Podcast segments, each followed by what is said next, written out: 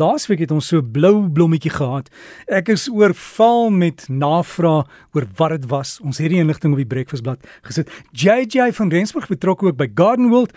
Hy is ons tuin guru. En JJ laasweek, dit was jou plant van die week, né? Weet jy wat? Dit was Evolvulus Blue My Mind gewees en Dis ongelooflik die pragtige foto's wat die mense ingestuur het om te sê kyk hoe mooi lyk myne. Uh daar's van die foto's wat eintlik mooier is as die foto's wat ek gebruik het. So ja, as jy daai pragtige blom wil sien of wil vir jouself kry, gaan kry vir jou die Evolvulus, maar die Blue My Mind variëteit. Ja, Jason, terwyl jy oor dit gesels, ek het in die week verby 'n huis gery en hulle het buite op hulle sypaadjie, die hele sypaadjie met dit beplant. En toe dink ek, maar dis JJ se blommetjies. Toe weet ek dadelik wat dit is. ja nee, ag ek is bly jy het dit soms dadelik raak gesien. Ja, is een van daai interessante plante wat eintlik lekker kleure gee vir jou in die tuin, wat 'n uh, interessante plant is wat meerjarig is en wat meer wil mense hê, jy weet. Um dit is sommer net so, ons almal wil bietjie kleur in ons lewe hê en wat nou meer wat nou beter as 'n pragtige blommetjie wat konstant vir jou blomme gaan gee. Ja. En JJ, ek het ook met iemand in KZN gepraat. Dit is so warm daar, hulle grasperke is besig om dood te brand. Hulle gee water, maar dit help nie. Wat moet ons doen jo. in die in die erge hitte? Direk ja nee definitief met hierdie erge hitte is dit moeilik om die hele tuin en natuurlik jou potte ook nat te hou. Nou kom ons begin gou net eers by die beddings. Ek kan nie glo hoe min mense eintlik deesdae deklaag in hulle tuine gebruik nie. Deklaag is seker die maklikste manier om jou plante aan die lewe te hou gedurende hittegolwe of natuurlik watertekorte. Nou veral daar's in KZN op oomblik, ek sê altyd mense moet probeer om jou tuin in die oggend te gooi, maar as jy dit in die aand wil doen, veral met hierdie erge hitte, dan kan mense dit doen net om die tuine af te koel en so te probeer om jou tuine net deur te trek. Gewoonlik is die hittegolf dan net daar vir 'n week of 2 en dan kan 'n mens weer normaal begin lewe. Deklas soos ek sê is seker die maklikste manier om jou plante aan die lewe te hou. Mense kan enige klippe, grasnysels, blare, opgekapte hout, boombas of nog baie meer gebruik vir dekla. Ek weet ek was op 'n stadium was ek met 'n uh, minder bevoorregte groep uh, betrokke gewees en toe het hulle sommer kartonbokse gebruik en wat hulle gedoen het was 'n gaatjie gemaak waar die plantjie moet deurgroei deur die kartonboks natuurlik om plat gedruk en dit half onder die grond weggebêre sodat hy ook kan water terughou en dan in die plantjie net deur daai gaatjie gegroei. So kyk bietjie uit hoe kan jy of watter tipe deklaag kan jy in jou tuin gebruik? Om jou bome en struike kan jy tot en met 'n 3 duim dik strooi. So vir die ouens wat nou nie weet hoeveel 3 duim is nie, dis amper 10 cm wat jy om dik kan gooi. Daar's omtrent 10 goeie redes hoekom jy deklaag moet gebruik.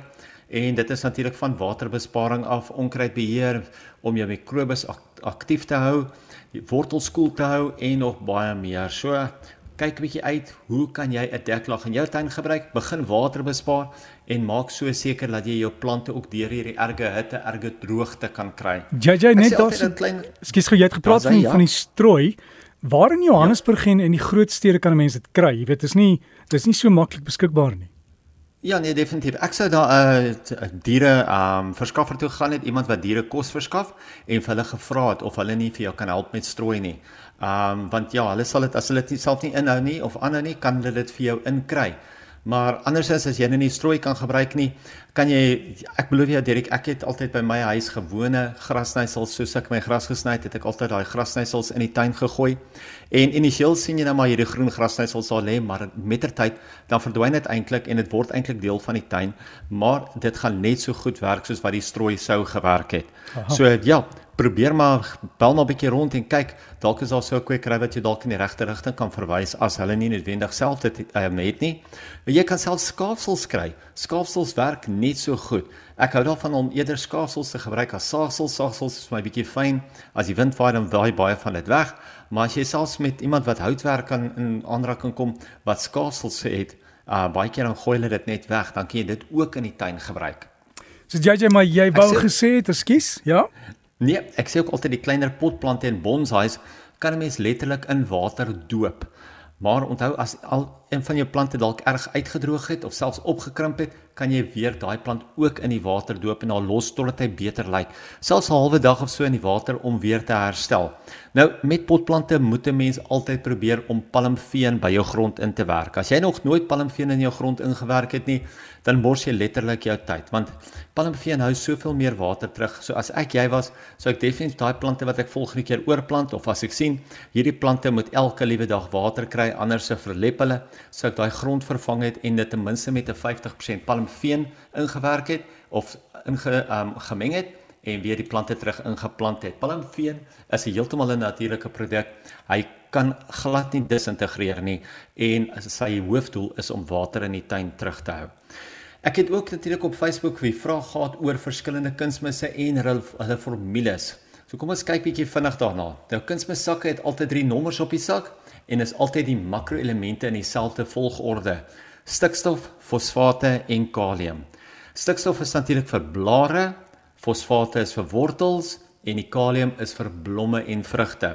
So as jy byvoorbeeld nou 'n 713 sou gebruik waarvan ek nogal baie praat, beteken dit dat daar meer stikstof as fosfate en kalium is, so dit gaan die blare van die plante baie meer spesifiek voer en nie soseer die blomme of die wortels nie. So 'n 713, onthou nou die 7 is die stikstof Hy heel eers aan die formule of heel eers in die verhouding en hy is hoër as die ander elemente. En dit is hoekom hy dan jou blare gaan voer. Met 'n 3 in 5 wat nou weer die 5 aan die einde is nou jou kalium hy's lekker hoog so hy gaan die blomme en die vrugte gaan hy voer natuurlik as 'n mens meer fosfate wil hê vir wortelontwikkeling ontwikkeling gaan 'n mens weer iets soos 'n 232 gebruik wat jou 3 in die middel is dan nou weer die fosfate of 'n mens kan net 'n tuinfosfaat of 'n superfosfaat in die tuin inspit en dit is natuurlik amper skoon fosfate.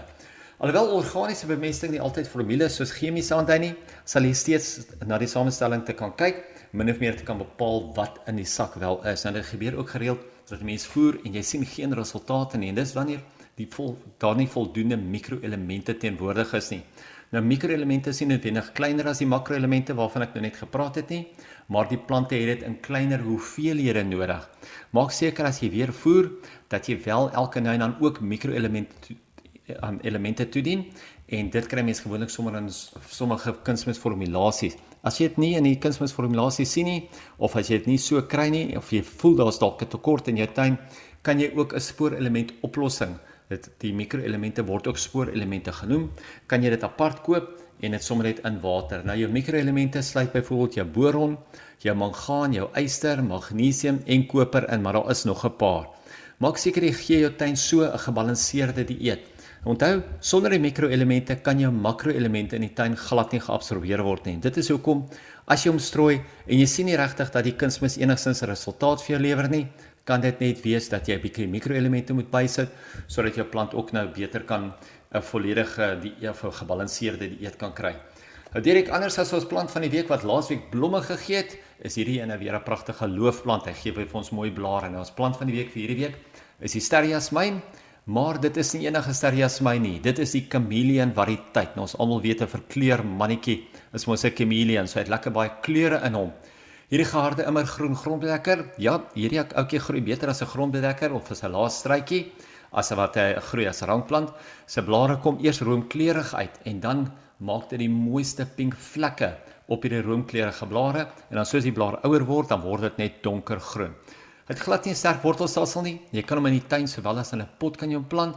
Hy verkies die volson.